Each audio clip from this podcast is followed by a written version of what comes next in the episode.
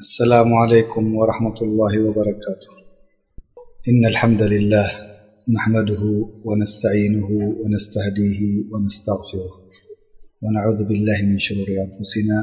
ومن سيئات أعمالنا من يهده الله فلا مضل له ومن يضلل فلن تجد له وليا مرشدا وأشهد أن سيدنا محمد عبد الله ورسوله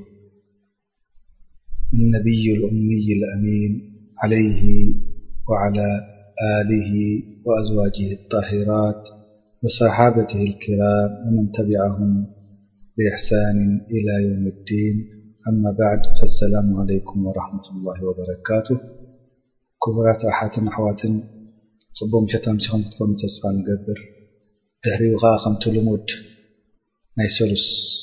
ትምህርቲ ሓቢርና ኩላህና ክንመሃር ኢልና ኮፍ ኢልና ነምስዮ ዘለና እሱ ድማ ብዛዕባ ተፍሲር ቁርኣን ክኸውን ከሎ ከምቲ ቅድሚ ሕጂ ካብ ቁል ኣዑዙ ብረቢ ናስ ጀሚርና ንላዕሊ ንኸይድ ኣለና ናብ ጁዙ ዓማ ማለት እዩ እንሻላህ ረቢ ካብቶም ጽቡቕ ዝዛረቡ ወጽቡቕ ዝሰምዑ ክገብረና ኣብቲ መገዲ ሓቂ ከኣ ሓቂ ገይሩ ከርእየና ካብቲ ጌጋ ከኣ ረቢ ከዕስመና ንረብና ዱዓና ነቕርብ ካልኣይ ድማ ብዛዕባ ደርሲ ንኸዶ ዘለና ሎም መዓልቲ ተዳልያ ዘላ ሱራ ብዛዕባ ሱረተቲን ክትከውን ከላ ከምቲ ረቢ ዝኣዘዘና ንዓኣ ሰሚዕና እንታይ ትምህርቲ ክንወስድ ንኽእል ካብኣ እንታይ ጠቕሚ ክንወስድ ንኽእል ካብኣ ንረብና ንልምን ማለት እዩ ወይ ናብ ረብና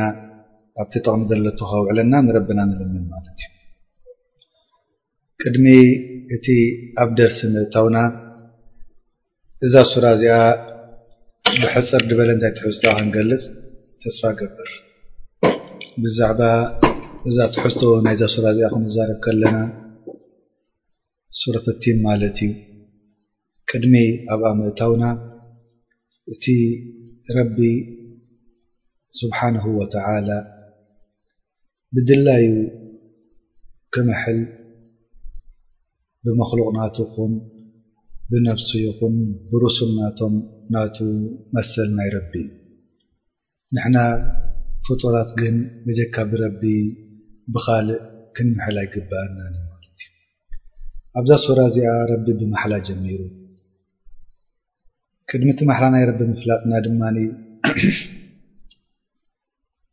ቅድሚ እቲ ማሕላ ምፍላጥና ድማ እቲ ሓደ ሰብ ምሳሌ ወላሂ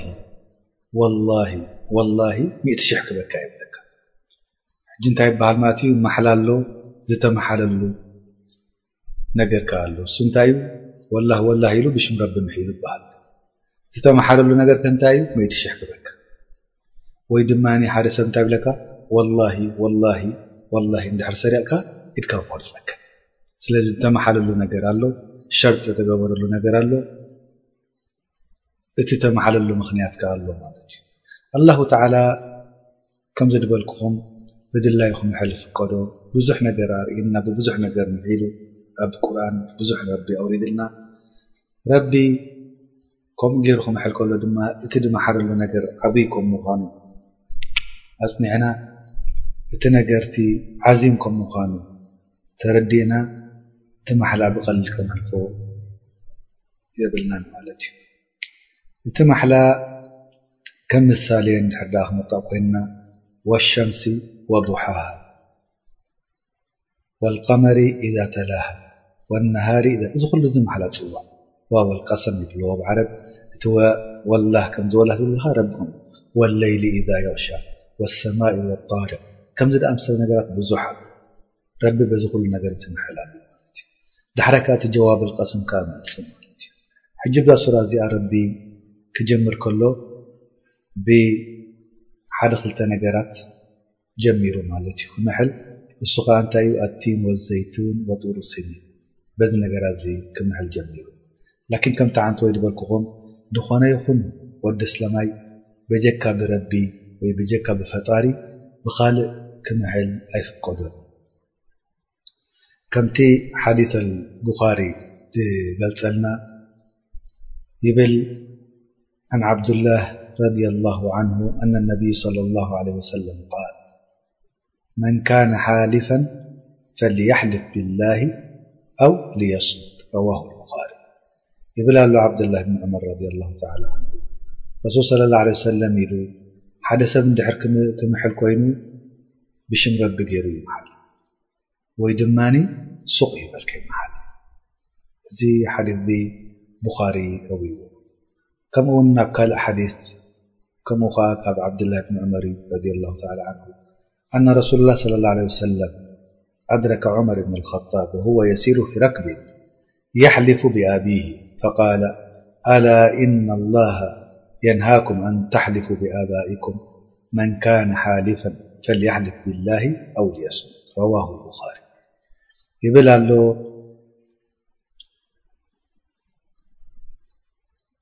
ዓብደላህ ብን ዑመር፣ ሓደ ግዜ ዑመር ብን ኣልኸጣብ፣ ኣቡኡ ማለት እዩ፣ ረዲየላሁ ተዓላ ዓንሁ ምስ ሰብ መገሽታ፣ ምስቶም ገየሽቲ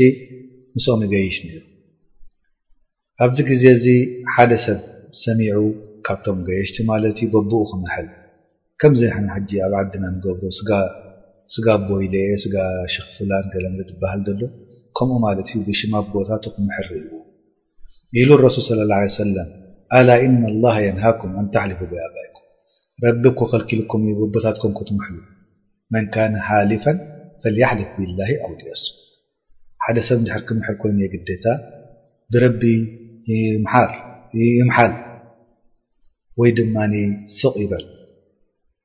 ረዋሁ ኣልቡኻሪ እዚ ነገር እዚ እንታይ ንርዳእ ኣለና ማለት እዩ ቅድሚ ተፍስራ ምእታና ሓደ ሰብ ወዲ ሰብ ክምሕል እንድሕር ኮይኑ የግዴታ ከም ኣስላማይ መጠን ብሽም ረቢ ጥራሕ ክምሕል ከም ዘለዎ ሓደ ካብቲ ድፍቀድ ክትምሕለሉ ድማ ወረብል ካዕባ ክትብል ናይዛ ካዕባ ናይ ንውጅሃላ ኣብ ሰላትና ዘላ እቲ ናታ ረቢ ወይ እቲ ናታ ወናኒ ወይ እቲ ናታ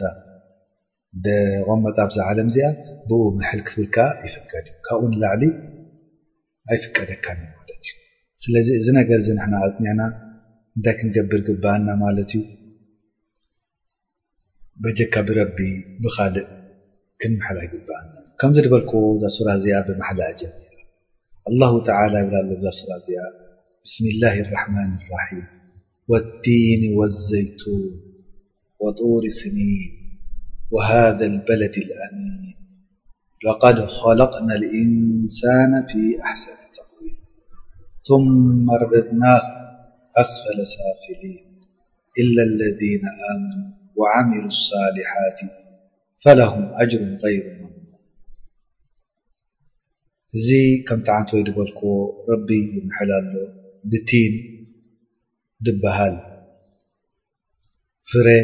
ወይ ከኣኒ ድብላዕ ፍረ እሱ ድማ ብሓበሻ ከምቲ ድበሃል በለስ ጣልያን ዩ ድበሃል ወይ በለስ ጣልያን ዩ ድበሃል መስለኒ ከምኡ ውን ምሕር ኣሎ ኣላኹ ተዓላ ብዘይካ እሱ ድማ ኦሊቭ ድበሃል እዩ ብእንግሊሽ መስለኒ እሱ ከኣ ነቲ ዘይቲ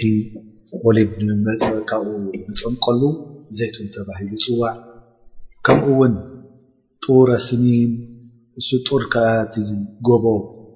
ማለት እዩ። ብሰለስተ እንዚኤን ክምሕል ከሎ ኣብ ርእሲኡ ድማ ወሃደል በለዲል ኣሚን በቲ ናይ መካ በለዲል ኣሚን ተባሂሉ ዝጽዋዕ ብኡ ኸኣ ይምሕል ኣሎ ማለት እዩ። ስለዚ እዘን ኣርባዕተ ማሕላ እዚኤን ምስ መሓሎ ረቢ እንታይ ክገብር ጀሚሩ ሽዑ እቲ ማሕላ ናይ ጀዋበል ቀሰም ዝበሃል እቲ መልሲ ናይ ማሕላ ድሕሪኡ መፂና ማለት እዩ። እሱ ከዓ እንታይ እዩ? ለቀድ ኸለቅና ልኢንሳነ ፊ ኣሕሰኒ ተቅዊም እቲ ወዲ ሰብ እኮ ብጣዕሚ ኣብ ፅቡቕ ዓይነት ኣቀናኒዕና ኢና ፈጢርናዮ። ሕጂ ንርኣየን እዘን ቦታ ምሒለለን ዘሎ ረቢ ዑለማ ኢሎም ረቢ በዚኤን ክምሕል ከሎ ከምዚ ቀደም ዝበልክዎ ከምዚ ዓንተወይ ዝበልክዎ ኣቲን ማለት በለስ ጣልያን ተባሂሉ ዝጽዋዕ ብሓበሻ ወይ ከኣ ነዚ እንታይ ሽሙ ዝመስል እዚ ሳግላ መሳሊ ኣታኽልቲ በለስ ጣልያን ተባሂሉ ዝጽዋዕ ቲን ተባሂሉ ዝጽዋዕ እሱ ብኡ ምሕል ኣለዎ ኣላ ተላ ቀዳማይ ወዘይቱን ድማ እዚ ዘይት ንዕስረሉ ዘይቱን ተባሂሉ ዝጽዋዕ ፍረ ኦሊቭ ይብልዎ መስለኒ ብኡ ከኣ ይምሕለሉ ረቢ። ወጡሪ ሲኒን ሳልሳይ መምሓሊ ከኣ ብጎቦ ናይ ኣብ ሲና ደሎ እሱ ከኣ እቲ ንሙሳ ተዛረበሉ ዓለይሂ ሰላቱ ወሰላም ንሙሳ ተዛረበሉ ላሁ ተዓላ ብኡ ምሕለሉ ወሃደል በለዲል ኣሚን ብመካ ከኣ ይምሕለሉ እዘን ሰለስተ ቦታ እዚኤን እንተሪኢናየን ዑለማእ ከምዝበልኩምዓንተወይ በዚኤን ብቀንደን ከምቲ ሽመን ደለዋ በየን እየን ድምሕል ደሎ ኢሎም ካልኣት ዑለማእ ከኣ እንታይ ኢሎም ላእ በቲ ቦታ ድበቕለሉ እዩ ድምሕል ደሎ ኣቲን ወዘይቱን ኣብ ሻም እዩ ድወጽእ እሱ ድማ እቲ ሪሳላ ናይ ዒሳ ዓለይሂ ሰላም ዝተባዕተሉ ክኸውን ከሎ፣ ወጡር ሲኒን ከኣ እቲ ጎቦ ንሙሳ ዓለይሂ ሰላም ዝተዛረበሉ ክኸውን ከሎ፣ ወሃዘል በለዲል ኣሚን ከኣ በቲ መካ ከኣ ንረሱል ሰለላሁ ዓለይሂ ወሰለም ዝተላእከሉ ብሰለስቲኣን ገይሩ ምሕላፉ ከከምቲ ደረጃኣን ቀዳማይ ደረጃ ዝለዓለ ደረጃ በለዲል ኣሚን ወይ ከኣ መካ ወይ ሙሓመድ ክኸውን ከሎ ትሕቲኡ ዘሎ ደረጃ ጡረ ሲኒን ወይ ከኣ እቲ ሙሳ ዓለይሂ ሰላም ክኾን ከሎ ትሕቲኡ ዘሎ ደረጃ ከኣ ዒሳ ይኸውን ማለት እዩ። እዚኦም ከከምቲ ምዕባዮም ገይሩ ረቢ በቲ ድናኣሰ ጀሚሩ ናብቲ ድላዓለ ይኸይድ ኣሎ። ሰለስቲኦም ሩሱል እዚኦም ከኣ ዑዘማእ ኣሩሱል ካብቶም ኡሉል ዓዝሚ ዝኾኑ ካብቶም ሓሙሽተ ኡሉል ዓዝሚ ዘለዉ በዞም ሰለስቲኦም እዚኦም ይምሕል ኣሎ ኢሎም ዑለማእ። ብሰለስቲኦም ክምሕል ከሎ ድሕሪኡኸ ንምንታይ እዩ ድምሕል ዘሎ ኣላሁ ተዓላ? ለቀድ ኸለቅነ ልኢንሳነ ፊ ኣሕሰኒ ተቅዊም እዚ እቲ መልሲ ናይቲ ማሕላ ወዲ ሰብ እኮ ብሓቂ ኣብ ጽቡቅ ኣብ ቅኑዕ ነገር ጌርና ኢና ፈጢርናዮ ከምቲ ክውለድ ከሎ ድኾነ ይኹን ቆልዓ ከም ፊጥራ ንረቡ ከም ድፈልጥ ጌርና ፈጢርናዮ ብል ኣሎ ላሁ ተዓላ እታ ኣሕሰነ ተቅዊም ኣካላት ስብከ ብእግርና ከም ንኸይድ ብኢድና ከም ንሕዝ ብዓይንና ንርኢ ርእስና ኣብ ላዕሊ ጌርናዮ ንኸይድ ሰላም ሕቆና ትኽ ድበለ እዚ ኩሉ ነገር እዚ ናይ ኽልቃ ክኸውን ከሎ ግን ካብኡ ድበለጸ ከኣ እቲ ፊጥራ ኣብ ውሽጢ ነብስና ንረብና ክንግዝኦን ክንፈልጦን ከም ዘለና ጌሩ ፊጥራ ድገበረልና ብኡ ጌሩ ከኣ እቲ ኣሕሰነ ተቅዊም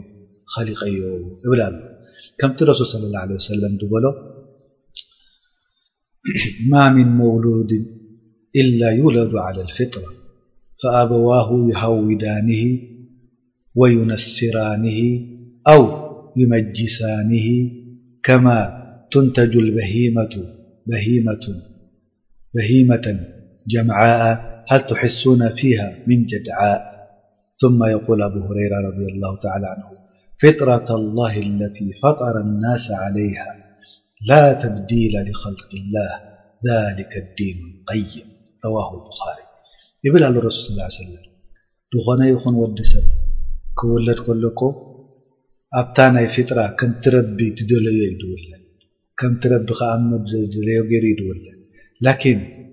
ካብ ናይ ኣቦታቱ ውርሻ ድኣክል የሁድ ይኸውን ወይ ከኣ ክርስትያን ይኸውን ወይ ድማ መጁስ ይኸውን እዚኦም ካቶም ን ሓዊ ድግዝኡ ማለት እዩ እንተ ሪኢኹማ ሓንቲ እንስሳ ክትውለድ ከላ ብጥዕይቲ እያ ትውለድ እዝና ተቖሪጹ ኣይትሪኦን ኩሉ ነገር እንድሕር ኣስተባሂልካሉ ሓደ ነገር ቆራጽ ኣይትሪኤላን ኢኻ ዳሕራይ ላኪን እቶም ዋናታታ እዝና ይቖርጽዋ ወይ ሓዊ ይትኩስዋ ወይ ሓደ ነገር የጉድሉላ ማለት እዩ እዚኣ ምስ በለ ኣቡ ሁረይራ ረዲየላሁ ተዓላ ዐንሁ እዛ ኣያ እዚኣ ቐሪኡ ፊጥረተ ላሂ ለቲ ፈጠረ ናሰ ዐለይሃ ከምታ ረቢ ዝፈጠሮም ከምታ ዝደለዮም ገይሩ ፈጢርዎም ላ ተብዲለ ሊኸልቂላህ ዛሊከ ዲኑል ቀይም እቲ ረቢ ዝደለዮ ኸኣ ኣይቅየርን ግን ከምዚ ንብሎ ዘለና ሕጂ እቲ ወዲ ሰብ ኣብ ጽቡቕ ፈጢርዎ ከሎ ረቢ ንዕኡ ንኽግዛእ ንዕኡ ንኽኣምን እቲ ወዲ ሰብ ክኽሕድ ይኽእል እዩ ማለት እዩ እንድሕር ክሒዱ እቲ ወዲ ሰብ ድሕሪ እዚ ማሕላ እዚ እንታይ ክኸውን ማለት እዩ ثم ردድናሁ ኣስፈለ ሳፊሊን ብዙሓት ዑለማእ ኢሎም ኣስፈለ ሳፊሊን ማለት ኣብ ጀሃነም ዳሕራይ መሊስናዮ በቲ እከይ ግብሪ በቲ ምኽሓድ ናቱ ኣብ ኣስፈለ ሳፊሊን ይምለስ ኢሉ በጀካ ክብል ጀሚሩ ሽዑ ማለት እዩ ኣላሁ ተዓላ ኢላ ለዚነ ኣመኑ ወዓሚሉ ኣሳሊሓቲ ፈለሁም ኣጅሩን ገይሩ እዚኤን ናይ ክልተ ደንበ ከም ንምቀል የውመል ቅያማ ኣላሁ ተዓላ ይነግረና ኣሎ ማለት እዩ ስለዚ ከምዚ ዓንተ ወይ ዝበልክዎ እቲ ጡርሲን እቲ ቲን እንታይ እሱ እቲ ፍረ በለስ ጠላም ተባሂሉ ፅዋዕ ንሰግላ ዝመስል ፍረ ቲን ክበሃል ከሎ ዘይቱን ከኣ እቲ ንዕስረሉ ወይ ከኣ ንዘይቲ ደምጻልና ዘይት ዘይቱን ተባሂሉ ዝጽዋዕ ብቋንቋ ዓረብ እዚ ፍረ እዚ ክኸውን ከሎ ጡረ ሲኒን ከኣ እቲ ረቢ ንሙሳ ተዛረበሉ ጎቦ እሱ ከኣ ጡር ሲናእ ተባሂሉ ይጽዋዕ ወልበለድ ኣልኣሚን ከኣ መካ ኢልና ረቢ በዜን ኩለንዚኤን ቦታኤን ክምሕል ከሎ በቲ ቦታ ካብተን ብጣዕሚ ተዘውተራ ኩቱብ ዝወረደን እሱ ከኣ ናብ ዒሳ እንጅል ክወርድ ከሎ ናብ ሙሳ ዓለይሂ ሰላም ተውራ ክወርድ ከሎ ናብ ሙሓመድ ዓለይሂ ሰላም ቁርኣን ወሪዱ ማለት እዩ በዚ ነገር እዚ ቦታ በቲ ድበሎ ረቢ ዓበይቲ ነገር ከም ዝለኣኸ ከመልክተና ብኡ ምሕላሉ ከምዚ ዝረኣናዮ እታ ቲን ዘይቱን ኣብ ሻም እያ ትወፅእ እሳ ከኣ መውጥን ናይ ዒሳ ዓለይሂ ሰላም እያ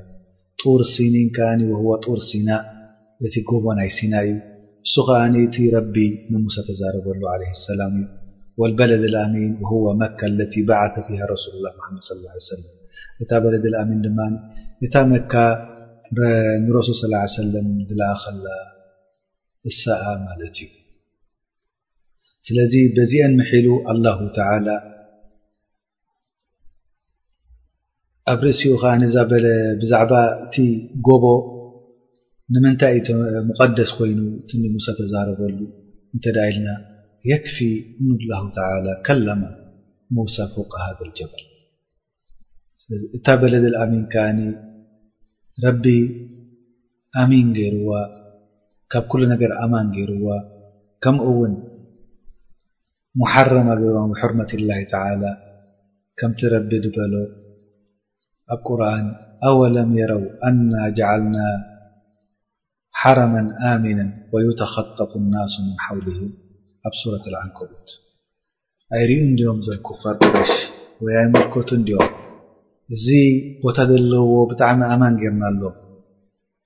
ኣብ ካልእ ካብቲ ናቶም ሕዱድ እንድሕር ድኣ ውጽእ ኢልካ ክንደይ ሰብ ይቕተልን ይዝመትን ነይሩ ምኽንያቱ ኣብ መካ ኣብቲ ግዜ ጃሂልያ ከለዉ እንድሕር ሓደ ሰብ ኣብ መካ ከይዱ ተዓቂቡ ወላ ነቡኡ ድቀተለ ቀታሊ ኣቡኡ እንዳርኣዮ ከሎ ፈጺሙ ቅብ ኣይብሎን ነይሩ በቲ ሑርመት ናይ መካ ዝኣክል ማለት እዩ ከምኡ ውን እቲ ካብቲ ናይ ኣማን ናቱ ከምቲ ረሱል ሰለላሁ ዓለይሂ ወሰለም ዝበሎ ኢነላሃ ሐረመ መካ ወለም ዩሐሪሙሃ ናስ ወዘከረል ሐዲስ ኢሉ ረሱል ሰለላሁ ዓለይሂ ወሰለም እዛ መካ እኮ ሑርማ ናታ ካብቲ በቲ ናይቲ ናይ ረቢ ቃል ዝሐረማ ኣቡያ ወሲዳ ካብ ሰብ ኣይኮነትን እቲ ሕጊ ናታ ወሲዳቶ ዘላ እቲ ቁድስያ ወይ ከኣ እቲ ሐረም ኣመንኪ ወሲዳቶ ዘላ ኣብቲ ሓዲስ እንታይ ኢሉ ሽዑ ፈላ ቱልተቀጡ ለቅጠቲሃ ኢላ ሊሙንሽድ ዝኾነ ወዲቑ ተረኸበ ገንዘብ ይኹን ወላ ወርቂ ከልዕሎ የብሉን ሰብ በጀካ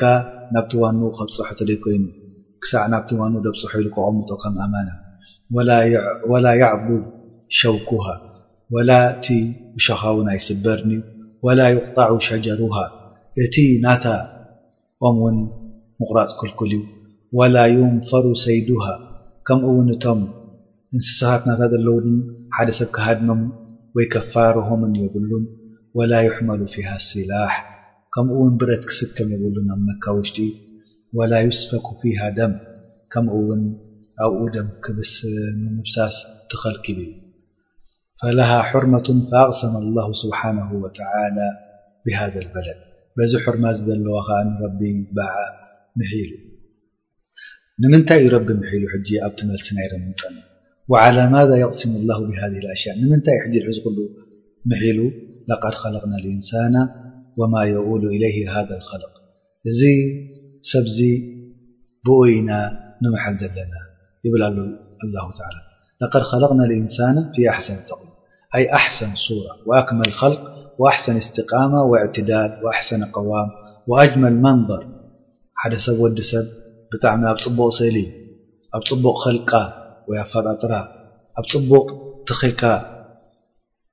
ስውነትካ እስቲቃማ ድገበረሉ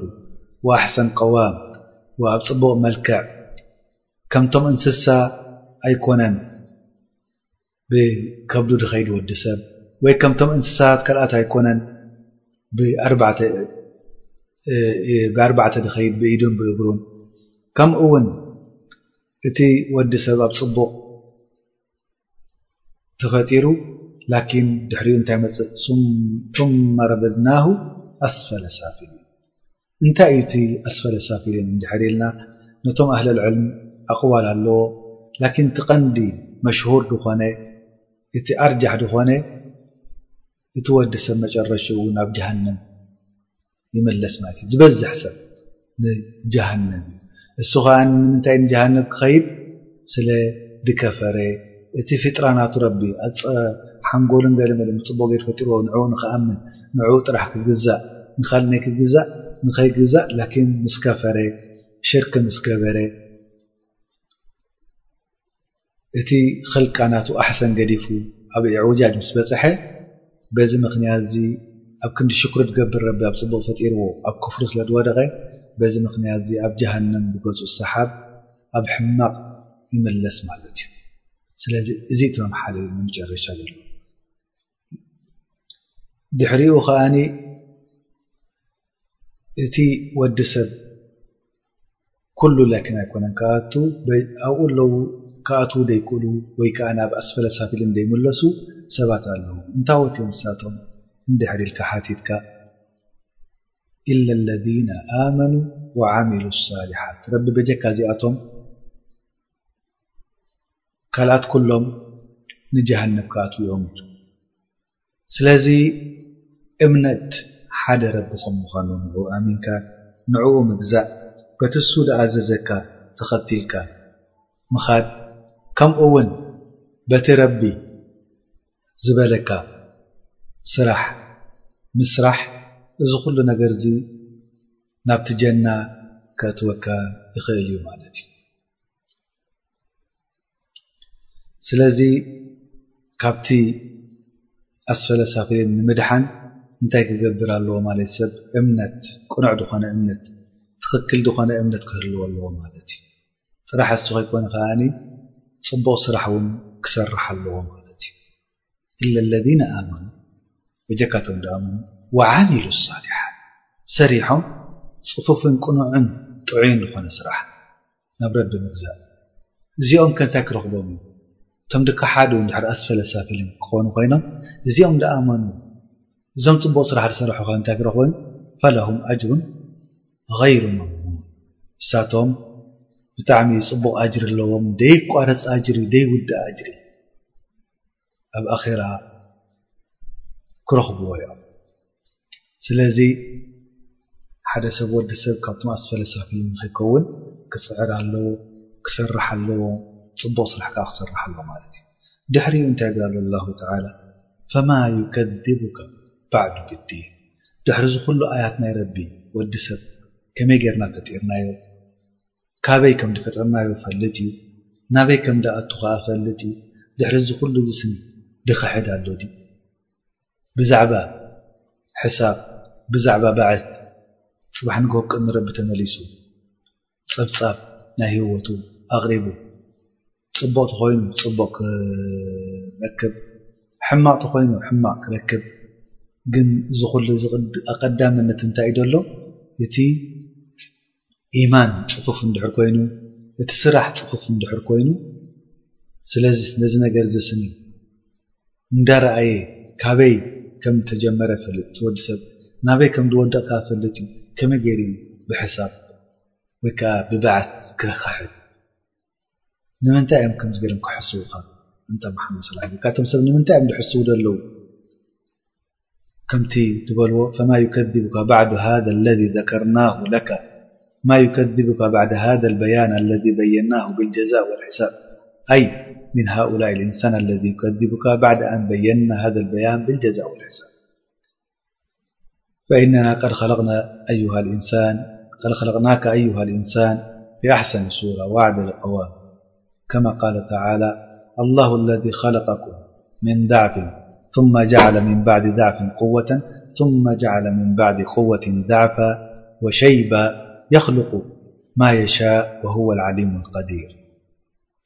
ድሕሪ እዚ ኩሉ ነገር እዚ ኣፈጣጥራ ኣጽዋር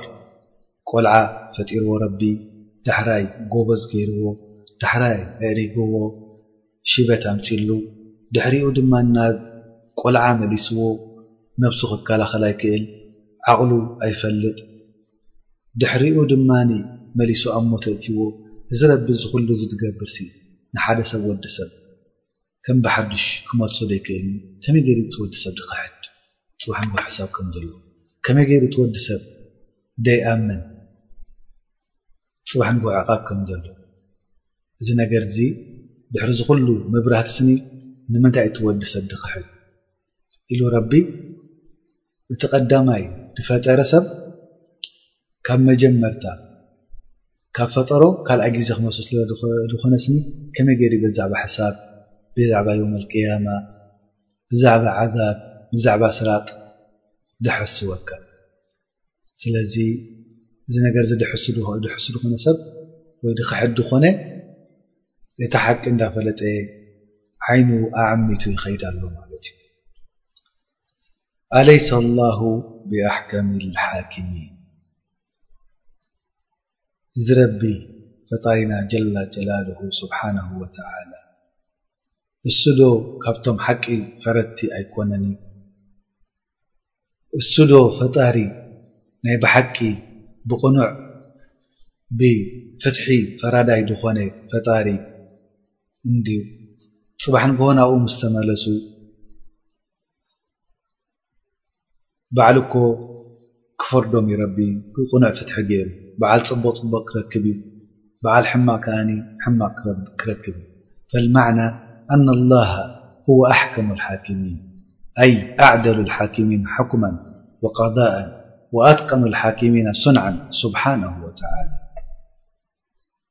ስለዚ ኣላሁ ተላ ካብቶም ብጣዕሚ ቅኑዕ ፍርዲ ወይ ቅኑዕ ፍትሒ ገይሩ ስለ ዝፈርድ ኣላሁ ተላ እሱ ቅኑዕ ፈታሓይ ቅኑዕ ፍርዲ ውሃባይ ስለ ዝኾነ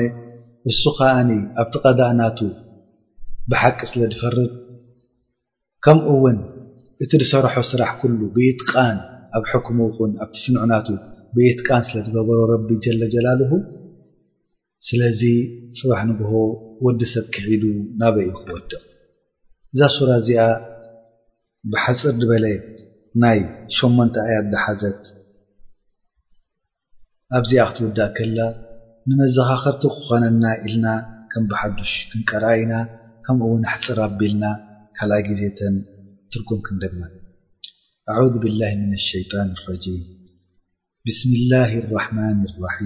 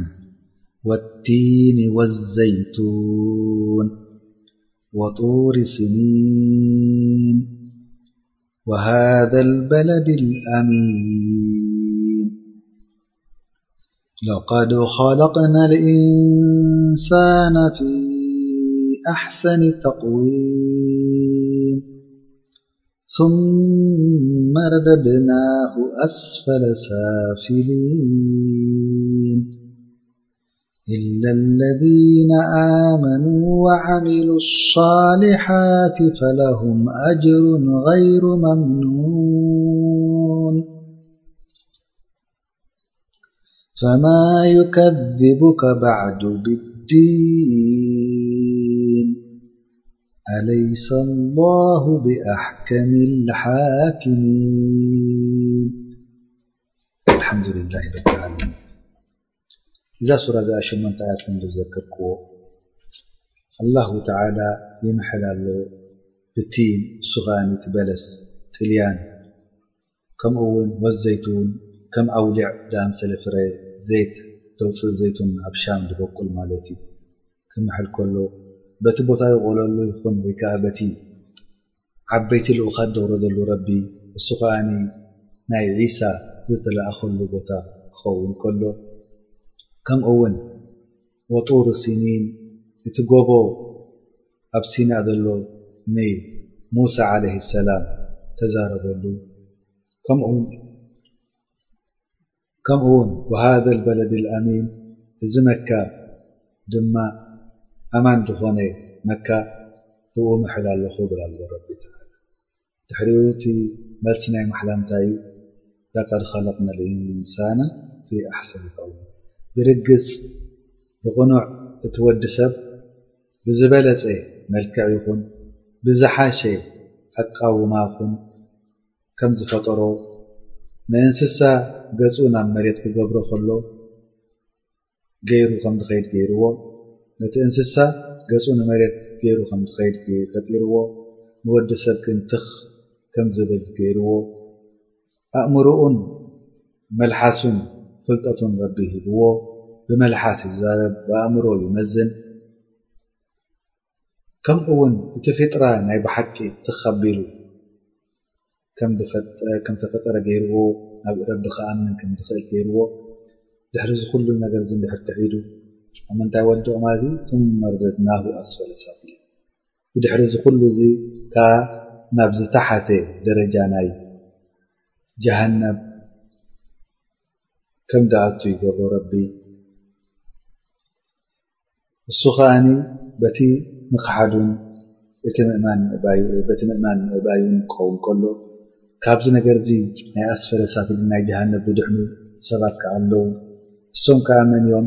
ኢላ ለዚነ ኣመኑ ወዓሚሉ ሳሊሓቲ ፈለሁም ኣጅሩን ገይሩ መምኑን እቶም ዘይከሓዱ እቶም ዝኣመኑ እሞ ጽቡቕ ስራሕ ዝሰርሑ እሳቶም ከኣ ዘይቋረጽ ኣጅሪ ኣለዎም ኣብ የውመል ቂያማ ፈማ ዩከዲቡከ ባዕዱ ብዲን ወዲ ሰብ ድሕሪ እዚ ኩሉ ተኣምራታትን ድሕሪ እዚ ኩሉ ምልክት ምሃብን ብዛዕባ ኣፈጣጥርኡ ይኹን ብዛዕባ ኣነባብርኡ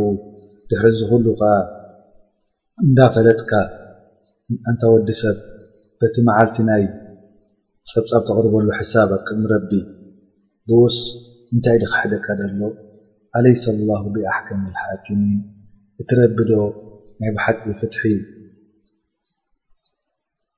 ኣላህ እኮ ናይ ፍትሒ ፍትሓዊ ፈራዳይ እዩ ናይ ብሓቂ ተኻቢሉ ፈራዳይ ስለ ድኾነ ጽባሕ ንግሆ ከምቲ ጀዛእካ ረቢ ኣብ የውመል ቅያማ ክህበካ እዩ።